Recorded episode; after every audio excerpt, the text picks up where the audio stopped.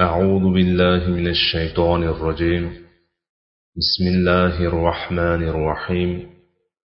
إن الحمد لله نحمده ونستعينه ونستغفره ونعوذ بالله من شرور أنفسنا ومن سيئات أعمالنا.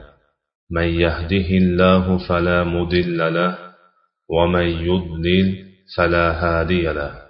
وأشهد أن لا إله إلا الله وحده لا شريك له وأشهد أن محمدا عبده ورسوله. اللهم علمنا ما ينفعنا وانفعنا بما علمتنا وزدنا علما. السلام عليكم ورحمة الله وبركاته. o'tgan darsimizda ba'zi musulmon amirlarning mo'g'ullarga yaqinlashuvi mayya fariqin shahri qamali mayya fariqinning yordamsiz qolishining sabablari mayya fariqin qamalida nosir yusuf ayyubiyning tutgan o'rni nosir yusuf bilan xulaguning aloqasini o'zgarib qolishi xulaguning nosir yusufga yo'llagan maktubi kabi mavzularni gaplashgan edik nosir yusuf butun hayotida bir bo'lsada hayol ko'chasidan o'tmagan qarorga keldi. Bu qaror mo'g'ullarga qarshi jihod qilish da'vosi edi. U taxtida arzimagan muddat qolish evaziga barcha narsani sotishga tayyor hamda din va aqidani himoya qilmaydigan muruatsiz va g'urursiz inson edi. Uning jihod ahlidan emasligini hamma yaxshi bilardi. Shuning uchun uning jihodga da'vati kulgili edi go'yo. Lekin bu ish amaliy suratda sodir bo'ldi. Nosir yusuf allohu akbar deb yozilgan bayroqni baralla ko'tardi va davlatiga o'rnatdi. U xalqini zamirida toji taxt bo'lgan jihodga targ'ib qila boshladi. Ilgari baytul maqdisni fransiya qiroli lyudovik to'qqizinchiga taslim qilish evaziga misrga qarshi urushda yordam berishini kofirlardan so'ragan shu nosir yusuf edi. Bog'dodning ishg'olida yordam qo'lini mo'g'ullarga cho'zgan mayya fariqin amiri komil muhammadni yordamsiz qoldirgan hatto oziq ovqatni ulashishdan ham ojizlik qilgan. Sal oldin misrga urush ochishida xulaguning yordamini kutgan shaxs aynan nosir yusuf edi. Shunday yaramas tarixga ega bo'lgan kishi jihod e'lon qildi. Bu juda ajablanarli ish edi. Darhaqiqat u yomon xulqi buzuq aqidasi befahmligi bilan insonlar orasida tanilgan edi. Ba'zilarning alloh taolo shunday odam bilan islomga nusrat berishini fikr qilishlari g'irt ahmoqlikdir. Zero alloh buzg'unchi kimsalarning ishini o'nglamaydi yunus surasi sakson birinchi oyat. Ba'zi hissiyotga berilganlar nosir yusufning chaqirig'iga ijobat qilib uning bayrog'i ostida jang qilish uchun kelishdi. Lekin tarix va voqelik uning va unga o'xshaganlarning dushman qarshisiga kelganda ma'raka maydonida ozgina turar turmas hatto jang boshlanishidan oldin jangni tashlab qochishi turgan gapligini xulosa qiladi. Bu qiziqqonli insonlar vaqti soati kelganda qo'ltiqlaridan tarvuzlari tushib hafsalalari pir bo'ladi. Shuning uchun aqllarini ishlatishlari lozim edi. Boshliqlari juftakni rostlab qolganida umidlarining puchga chiqishi ularning katta xatolari emas balki nosir yusuf va u kabilar jihod bayrog'ini ko'tara oladi deb e'tiqod qilishlari ularning eng katta xatolari edi.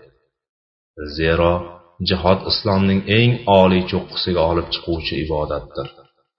Unga faqat va faqat haqiqiy rijollargina sodiqlik bilan da'vat qila oladi. Shu sababdan jihod da'vati quloqlariga chalinsa unga chaqiruvchi insonga bir nazar solish foydadan xoli bo'lmaydi. Al qissa nosir yusuf jihod e'lon qildi va harbiy lagerini damashqning shimolidagi barza degan qishloqqa qurdi. U harbiy lagerni halabga qurishi maqsadga muvofiq edi chunki halab hali uning qo'lida va mayya fariqinning yonida bo'lib mo'g'ullar mayya fariqinni ishini bitirib keyin halabga kirishi muqarrar edi. Ammo u harbiy lagerini juda uzoqqa joylashtirdi. Bu go'yo uning bordiyu halab mo'g'ullar tomonidan ishg'ol bo'lsa damashqdan ham qochib qolishiga ulgurishi uchun qilingan rejasi edi. Alhol halab damashqdan uch yuz kilometr uzoqlikda bo'lib juftakni rostlab qolishga yetarli masofa edi. Nosir yusuf tayyorgarlikka kirishdi va atrofidagi amirliklarni mo'g'ullarga qarshi birlashishga chorlab choparlar yo'lladi. Al karak amirligining amiri al mug'iz fathuddin umarga odam jo'natdi. Al karak o'lik dengizining sharq tomonida hozirgi kundagi urdunda joylashgan mintaqadir. Al karak amirligi mustaqil amirlik bo'lib uning amiri faqat o'z nafsiga mug'iz ya'ni yordamchi edi. Umar roziyallohu anhuga ham biror jihatdan o'xshamasdi. Nosir yusuf kabi goho mo'g'ullar bilan urushib gohida ular bilan kelishadigan ba'zida salibchilar bilan kurashib ba'zan ular bilan hamkorlik qiladigan inson edi. So'ngra nosir yusuf hech kimning xayoliga kelmagan yana bir amirga ya'ni misr amiriga mo'g'ullarga qarshi yordam berishini so'rab elchi yubordi holbuki bundan oldin u xulagudan misrni fath qilishida ko'mak berishini so'ragan lekin undan rad javobini olgan edi. Endi esa o'z foydasini ko'zlab misr amiridan mo'g'ullarga qarshi kurashda yordam so'rayapti. Subhanalloh. Unga javoban misr hokimi noibi muzaffar qutuz rahimaulloh agar sen mening yordamimni ixtiyor qilgan bo'lsang men askarlarim bilan birga senga yordam beraman. Bordiyu mening borishimdan xotirjam bo'lmasang huzuringga o'zing xohlagan askarlarimni jo'nataman deya maktub yo'lladi. Xulagu shoha qishlog'idan erondagi hamadon shahriga qaytdi. U yerda o'rta sharq mintaqasidagi harbiy ishlarni idora qiluvchi markaziy boshqarmasi bor edi. Bog'doddan to'rt yuz ellik kilometr uzoqlikda joylashgan edi u. Xulagu yangi bosqich uchun qog'ozlarni tartiblash lovullab turgan dolzarb o'rta sharq mintaqasi masalasini hal qilish va kelajak oylarda yuzaga kelishi mumkin bo'lgan hodisalarni tahlil qilishga kirishdi. U bu jarayonda quyidagilarni ko'ra oldi. Birinchi mo'g'illarning nasroniylar bilan aloqa qilishi uning quvvatini ziyoda etishini angladi. Xulagu bu aloqalarni yanada kengroq ko'lamda mustahkamlashga muhtojlik sezdi. Islomiy namunalar amir komil muhammad va unga o'xshagan kelajakda chiquvchi isyonchilarni ishini bitirish va ularni tanobini tortib qo'yish uchun mo'g'illarga bir tomondan nasroniylarning quvvatiga ehtiyoji bo'lsa ikkinchi jihatdan ularning malakasiga va uchinchi tarafdan esa shom egallangandan keyin u yerdagi ishlarning boshqaruvida nasroniylarning shaxsan o'zlariga muhtojligi bor. Edi shu sabab mo'g'illar nasroniylarning do'stligini komil suratda sotib olishni xohladi ulagu armaniston podshosi haysumga gurjiston podshosiga va antioxiya amiri buxmandga hadyalar va mukofotlar taqdim qildi. Ikkinchi mayya fariqin amirligining qamali xulaguning o'g'li ashmud tomoni davom etayotgan komil muhammad har qancha jasorat va matonat ko'rsatmasin qurshovning qattiqligi so'nggi hukmning o'qilganidan dalolat edi. Kamiga qamalda armaniston va gurjiston qurolli kuchlari ham ishtirok etayotgan va birorta musulmon amirliklari bu qamalni buzib mayyafariqi musulmonlarga yordam qo'lini cho'zmayotgan edi. Bularni ko'rgan xulagu mayyafariqin qamalidan ko'ngli xotirjam bo'ldi. Uchinchi halab va damashqning amiri nosir yusuf ayyubiy bilan xulaguning o'rtasida adovat uchqunlari paydo bo'lgan va nosir yusuf damashqning shimolida jihodiy harbiy lager hozirlab jangga tayyorgarlik ko'rayotgan edi. Lekin xulagu nosir yusufning kimligini va imkoniyatlarini yaxshi bilgani bois unga ko'p ham e'tibor bermay parvo ham qilmadi. To'rtinchi. Iroqning markazi xususan bog'dod shahri mo'g'ullarga to'la taslim bo'lgan shuningdek mosulning amiri xulaguga tom do'stligini bildirgan va iroqning shimoli sharqiy mintaqasi ham taslim bo'lgan edi. Xulagu bu mintaqalardan ko'ngli to'q edi. Beshinchi shomdagi eng katta shaharlar halab va damashq edi. Bordiyu mo'g'ullar bu ikkisini qo'lga kiritsa shom to'liq egallandi hisob edi. U bu tahlilni qilgandan so'ng ikki shahardan biriga yo damashqqa yo halabga yurishni qaror qilishi kerak edi. Agar halabga yurgudek bo'lsa birinchi iroqning shimolidan o'tib so'ngra suriyaning shimoli sharqidan kirishi lozim edi. Bu bilan u suriyaning shimolidan turkiyaga yonma yon holatda yurib halabga yetib borardi. Bu mintaqalarda ko'plab daryolar jumladan dajla va furot daryosi va bir talay tabiiy g'ovlar bor edi. Ustiga ustak qo'shin juda katta ammo ayni vaqtda bu mintaqalar ko'kalamzor va sersuv joylar hisoblanardi ya'ni yaylov va suv mo'l bo'lganidan lashkar katta bo'lishiga qaramay oziqa va suv jihatdan xotirjam edilar. Bunga qo'shimcha bu mintaqalar mayya fariqinga juda yaqin bo'lib agar o'g'li ashmutning madadga ehtiyoji bo'lib qolsa otasi xulaguning lashkari yonginasida edi. Dastavval halabga hujum qilishning bir qancha afzalliklari bor edi. Bu mintaqalarda suv va oziqa mo'l mayya fariqinga yaqin hamda tinch va sokin yerlardan o'tib borardi. Ya'ni ittifoqdoshi mosul amirning hududidan va nosir yusuf bo'lmagan suriyaning shimolidan boradi. Agar birinchi damashqqa yurish qilsachi bu damashqdagi musulmonlar uchun kutilmagan zarba bo'lib ular o'ylamagan tomondan mo'g'ullar kirib kelgan bo'lardi musulmonlar mo'g'ullarning shimoldan halab nohiyasidan kelishini gumon qilib turishgandi. Agar ular sharqdan musulmonlar umuman hayollariga keltirmagan sahro tomondan kelsa bu musulmonlarga katta fojia bo'lishi va xulagu bevosita nosir yusufning qarorgohiga kelib uning ishini hal qilishi mumkin edi. Bunda nosir yusuf qochishga imkon topmas edi. Agarchi xulagu damashqqa qarab yursa bog'doddan damashqgacha cho'zilgan shom sahrosi orqali o'tish kerak edi. Bu sahro haddan ziyod qirg'oqchil bo'lib katta qo'shin bilan bu sahrodan yurish o'ta xatarli edi. Xulagu lashkarini bunday xatarga qo'yishi mumkin emasdi. Bordiyu shunday qilganida nosir yusufning qo'shini dovdirab qolgan va musulmonlar mo'g'ullarning bosh lashkariga ro'para kelgan bo'lardi. Natijada shom to'liq ishg'ol bo'lardi. Xulagu tabiiy g'ovlar ko'p bo'lsa ham lashkarining omonligini o'ylab suriyaning shimoli orqali halabga yurishni ixtiyor qildi. Bu voqeadan Robba rosa olti asr oldin bu kabi keng imkoniyatlarsiz xolid ibn valid roziyallohu anhu iroqdan shomga qarab damashq yaqinida rum lashkarini doda qoldirish maqsadida shu ulkan qurg'oqchil sahroni bosib o'tgan edi. Xulagoning ushbu holatiga ayni ko'rinish o'shanda yuzaga kelgan edi.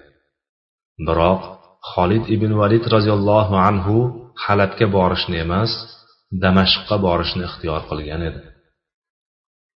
O'shanda xolid roziyallohu anhu biror talofatsiz mutloq zafar qozongan edi. Sahobiy jalil xolid roziyallohu anhu qayerdayu? Xonxo'r xulagu qayda xullas xulagu o'g'li ashmutni mayya fariqing qamalida qoldirib o'zi lashkari bilan halabga yo'naldi. Mo'g'ul lashkari sarkardalari boshchiligida hamadondan suriyaga qarab yo'lga chiqdi va eronning g'arbidagi tog'larni oshib o'tdi. So'ngra iroqning shimoli sharqiy hududiga kirib dastlab arbil keyin mosul shahridan o'tdi va dajla daryosiga kelib qoldi. Dajla daryosi bu mintaqadagi birinchi va xatarli to'siq edi. Ular bu to'siqni kesib o'tdilar. Ulkan mo'g'ul lashkari hech bir muammosiz bu daryoni kesib o'tib uning g'arbiy qirg'og'iga turkiyaning janubida joylashgan nusaybin shahriga borish uchun jazira yerlariga yo'naldi. Nusaybin shahri mayya fariqin shahridan bir yuz yetmish kilometr janubda joylashgan edi. Xulagu bu shaharni aytarli qarshiliksiz egalladi.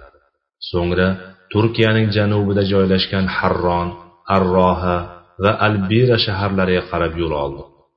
Bu mintaqalar kaykovus ikkinchi va qilich arslon to'rtinchining qo'l ostidagi joylar edi. Lekin ular e'tiroz bildira olishmadi. Albira shahriga kelganida mo'g'ul lashkari katta furot daryosining sharqidan g'arbiga qarab kesib o'tdi. Shu tariqa ular bu mintaqadagi ikkinchi suvli tabiiy g'ovdan eson omon o'tgan edilar. Mo'g'ullar turkiya suriya chegarasiga yaqin kelib to'ppa to'g'ri qo'rg'onli halab shahriga otlandilar. Turkiya chegarasi bilan uning orasida bor yo'g'i ellik kilometr atrofidagi masofa bor edi. Bu mo'g'ul lashkari to'liq bir yil davomida ya'ni hijriy olti yuz ellik yettinchi yil dastlab fors yerlarini so'ngra iroq keyin turkiya undan so'ng suriya yerlarini bosib o'tgan edi. Bu yurish bevosita bag'dod zabt etilgan sanadan boshlangan edi. Xulagu odatiga ko'ra hujumdan oldin halab voliysiga ogohlantiruvchi va taslim bo'lishga chaqiruvchi maktubni yo'lladi. Biroq podsho muazzam ayyubiy unga sizlar bizning huzurimizdan faqat qilichning zarbinigina olishlaring mumkin deya javob yo'lladi. So'ngra shahar mudofaasiga kirishdi va shahar devorlariga himoya qurollarini o'rnatdi. Mo'g'ullar hijriy olti yuz ellik yettinchi yil zulhijja oyining o'ninchi kunligida melodiy bir ming ikki yuz ellik to'qqizinchi yil dekabr oyida halab shahrini qasd qilib salamiya qishlog'iga kelishadi. So'ngra haylan va hariy degan qishloqlarga yetib borishadi. Bu ikki qishloq halabga qarashli joy edi. Bir guruh musulmon askarlari ular tomon kelishadi va ularni ko'pligini ko'rib ortlariga qaytishadi. Mo'g'ullar to'g'risidagi xabarni shohga yetkazadi. U halab shahrini ichki tomonidan quvvatni oshirishga buyruq beradi. Keyingi kunlar mo'g'ullar halabga qarab yuradi. Tog'ning oldiga kelishganida musulmon askarlari ular bilan jang qilish uchun chiqib keladi. Buni ko'rgan mo'g'ullar makr qilib orqaga chekinadi. Musulmonlar ularning ortlaridan soatlarcha ta'qib qiladi. Ular shahardan anchagina uzoqlashgandan so'ng mo'g'ullar yashiringan joylardan chiqib kelishadi. Shunda musulmonlar shaharga qarab chekinadi. Mo'g'ul lashkari esa juda ko'p edi. Musulmonlar banqusa tog'iga yetib kelishdi. U yerda qolgan musulmon lashkari bor edi. Ular hammasi birgalikda shahar tarafga chekinishdi mo'g'ullar ularning ortidan quvib borardi. Bunda musulmon armiyaning va avom xalqning ko'pi o'ldirildi. O'sha kuni mo'g'ullar halabning oxirigacha borib so'ngra halabning shimoli g'arbiy tarafida joylashgan azoz shahriga o'tdilar. Azoz shahri mo'g'ullardan omonlik so'radi. Ularga omonlik berildi. Ulagu hijriy olti yuz ellik sakkizinchi yil ikkinchi safar kuni melodiy bir ming ikki yuz oltmishinchi yil yigirma beshinchi yanvar kunida halab shahriga qayta keldi va musulmon shaharni hamma tomonidan qurshab oldi. Shahar atrofiga odam bo'yi barobar eni to'rt ziro keladigan handaqlar qazishdi. So'ngra balandligi besh ziro bo'lgan devor bunyod qilib uning atrofiga yigirmata manjaniq o'rnatib shaharni o'qqa tutishdi. Shahar amiri nosir yusuf shaharda yo'q bo'lishiga qaramay shahar ahli mo'g'illarga taslim bo'lishdan bosh tortdi. Chunonchi nosir yusuf halabdan uch yuz kilometr uzoqlikda o'zi davo qilayotgan jihodga tayyorgarlik ko'rayotgan edi. Mo'g'ullarga qarshi xalqni oyoqqa turg'izgan kishi nosir yusufning amakisi turonshoh ibn sulton salohiddin yusuf ibn ayyub edi.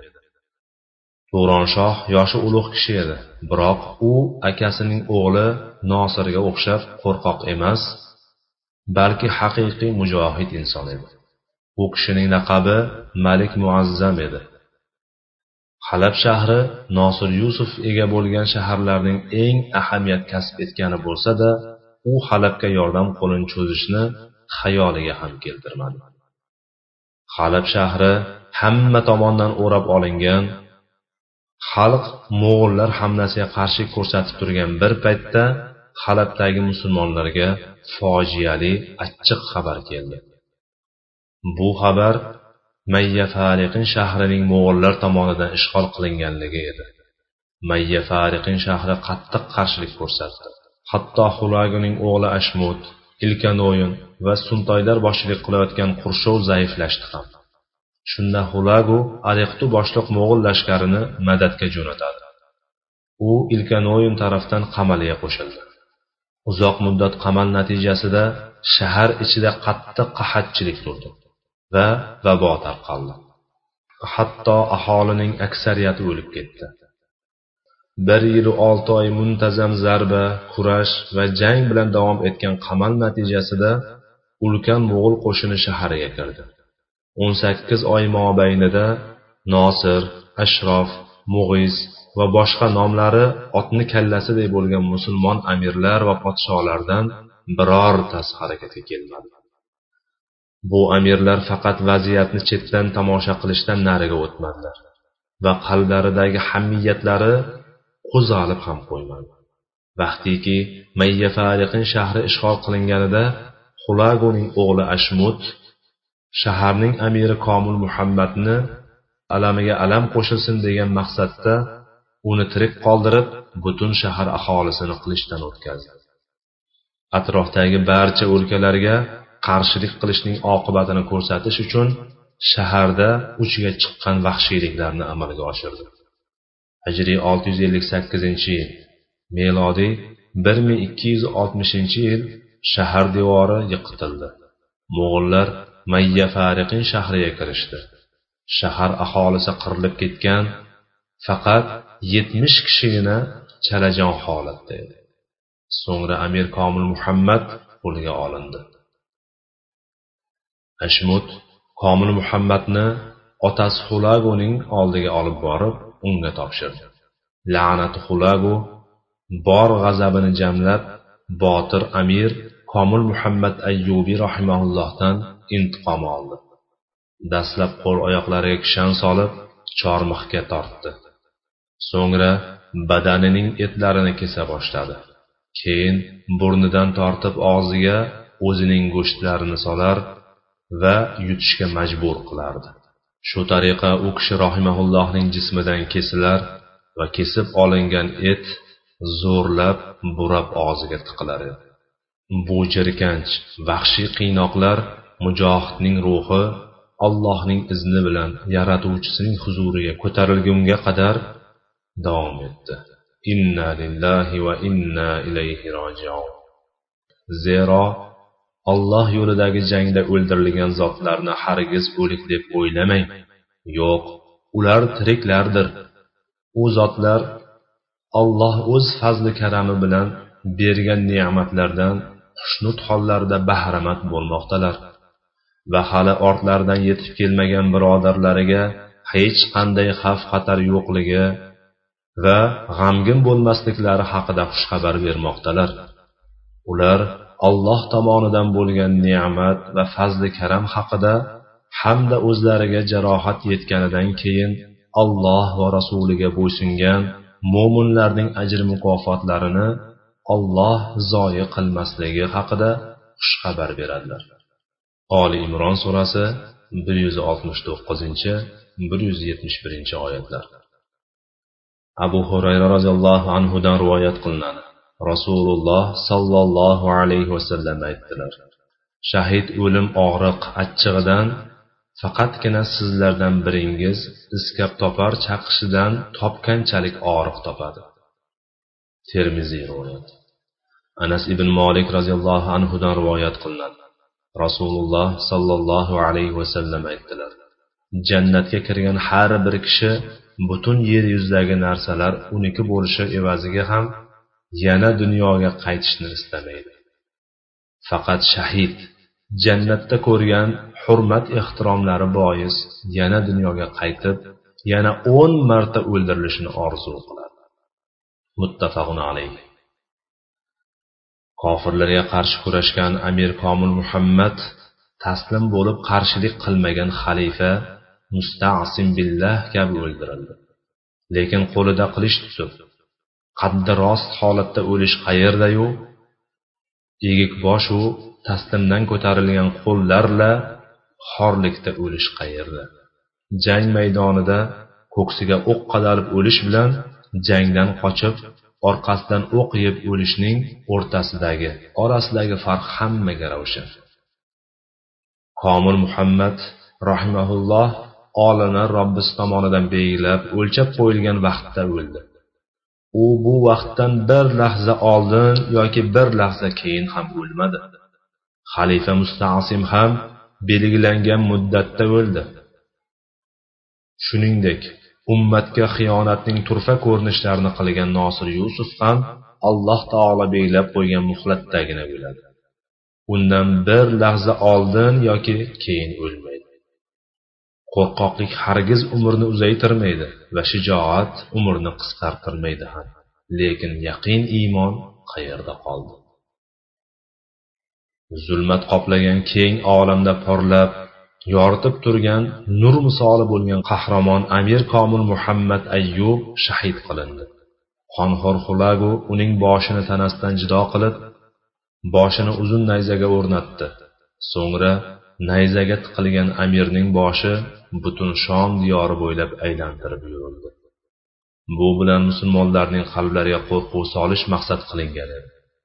Uzilgan boshni aylantirish damashqda nihoyasiga yetdi. U bir muddat damashq darvozalaridan biri farodis darvozasiga osib qo'yildi. So'ngra bir masjidga ko'mildi. Bundan so'ng bu masjid boshli masjid nomi bilan tanildi. Homil muhammadning o'limi fidokorlik va shahodatda namuna bo'lgan edi. Alloh subhanahu va taolodan u kishini jannat ahlidan qilishini so'rab qolamiz. Halabga mo'g'illarning bombardimoni kuchaygandan kuchaydi. Amir komil muhammadning o'ldirilishi va mayya fariqinning ishg'ol qilinishi mo'g'ul lashkarining shijoatini oshirgan ayni zamonda bunday fojiali zarbaning natijasida musulmonlarning quvvatiga putur yetgan qahramon komil muhammad rahimaullohning qatli ularning ma'naviyatlarini cho'ktirgan edi. Shahar qurshovi yetti kun davom etdi xolos. So'ngra mo'g'illar agar xalq shahar darvozalarini ochib bersalar ularga omonlik berishini mo'g'illar odatiga muvofiq va'da qildi. Lekin boshliqlari podsho muazzam turonshoh buning aldov ekanligi mo'g'illar hech qachon ahdlariga vafo qilmasligi va ularga omon bermasligini aytdi. Biroq halab xalqi mayya fariqinning ag'darilishi amirlari nosir yusuf ularni yordamsiz tashlab qo'yganidan qattiq ruhiy tushkunlikka tushgan edi. Ularga atrofdagi birorta musulmon amirliklar yordam bermadi. Holbuki ularning o'zlari ham bundan ilgari mayya fariqinni yordamsiz qo'ygan edi. Qilmish qidirmish deydilar. Mana shu tushkunlik xalqni taslim bo'lishga undadi. Xalqning aksariyati shahar darvozalarini xulagu uchun ochib berishga yuzlandilar. Lekin boshliqlari turonshoh va ba'zi mujohidlar bundan bosh tortib shahar ichidagi qal'aga o'rnashishdi. Mo'g'ul lashkari hijriy olti yuz ellik sakkizinchi yil 9 safar kuni. Melodiy bir ming ikki yuz oltmishinchi yil 1 fevral kuni halab shahriga to'g'on buzilganda suv to'fon bo'lib oqqanidek oqib kirishdi va shaharni egallashdida odatlariga ko'ra jirkanch habis ishlarni qilishga bel bog'lashdi halab ahli amirlari qahramon mujohid turonshoh ogohlantirgan mo'g'illarning bevafoliklarini shu on anglab yetdilar. Va ularning ko'zlari ochildi. Ammo endi juda kech edi.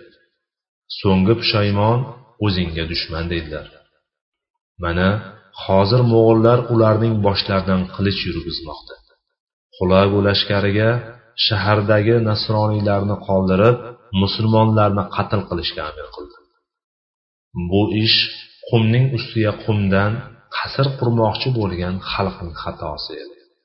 Shu tariqa halab shahrida besh kun davomida erkaklar ayollar va go'daklar vahshiyona qilishdan o'tkazila boshladi va shahar tamoman vayronaga aylantirildi. Aytishlaricha halab shahridan asirga olingan ayollar va bolalar soni yuz mingdan ziyod edi. Yahudiylarning kanisalarida va boshqa ma'lum kishilarning uylarida jon saqlaganlar soni ellik ming kishi edi xolos.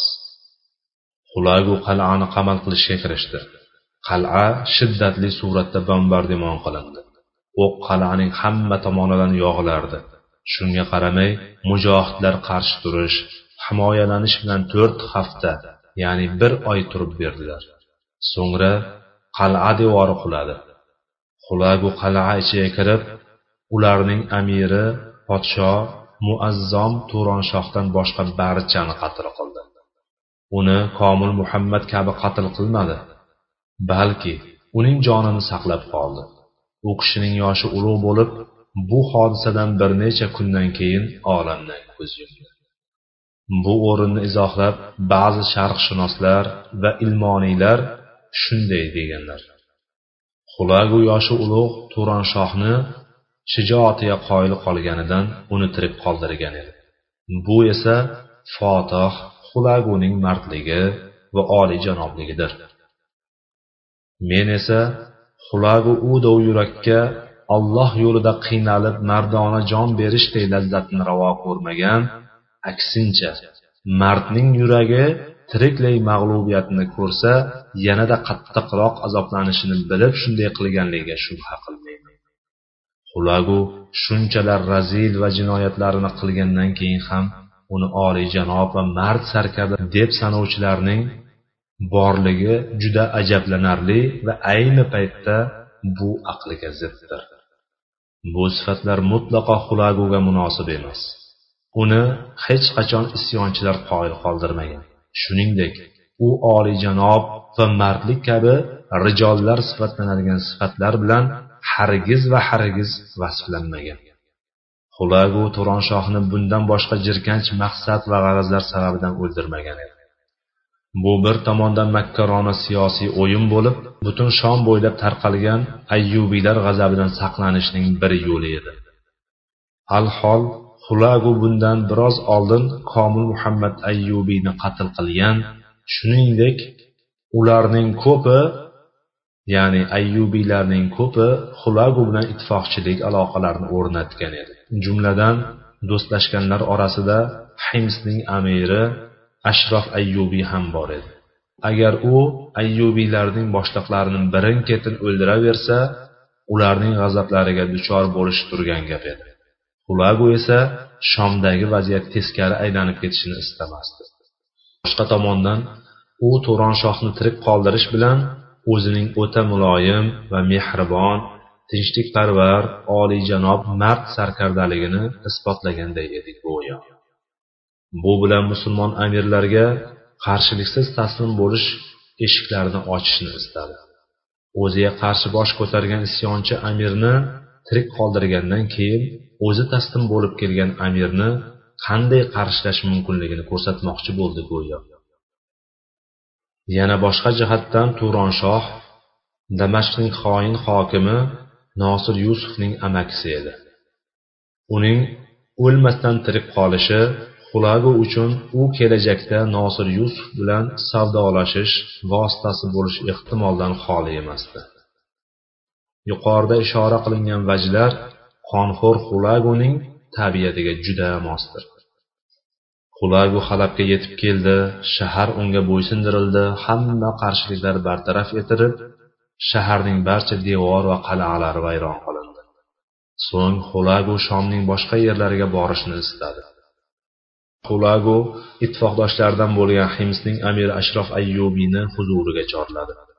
Xulagu unga g'ayrioddiy marhamat ko'rsatdi ya'ni unga halab shahrining sultonligini taqdim qildi. Bu bilan xulagu uning do'stligini tamoman sotib oldi. Biroq xulagu o'zining nozik mo'g'uliy marhamatini ham unutmadi. Uning yoniga mo'g'ul sarkardalaridan birini qo'ydi. Shunday qilib ashrof ayyubiy halab shahriga hokim bo'ldi lekin u xalqning nazaridagina hokim manzilatida edi. Asosiy buyruq va qarorlar mo'g'ul askari tomonidan qabul qilinar edi. Halab ishg'ol qilinganidan so'ng xulagu g'arbga halabdan ellik kilometr uzoqlikdagi harim shahriga qarab yurdi. U bu shaharga yetib kelib uni qamal qildi. Mo'g'ullar shaharning qo'rg'onini buzib shaharga kirdi va uning barcha xalqini qilichdan o'tkazdi. Bundan so'ng xulagu nima qarorga keldi? Halab egallandi. Navbatda damashq turibdi. Damashqda esa ma'lumingizki nosir yusuf qo'shin to'plab turibdi uning ishi nima bo'ladi bu kabi hodisalar haqida kelasi darslarimizda suhbatlashamiz inshaalloh vallohu taala alam سبحانك اللهم وبحمدك أشهد أن لا إله إلا أنت أستغفرك وأتوب إليك وآخر دعوانا أن الحمد لله رب العالمين والسلام عليكم ورحمة الله وبركاته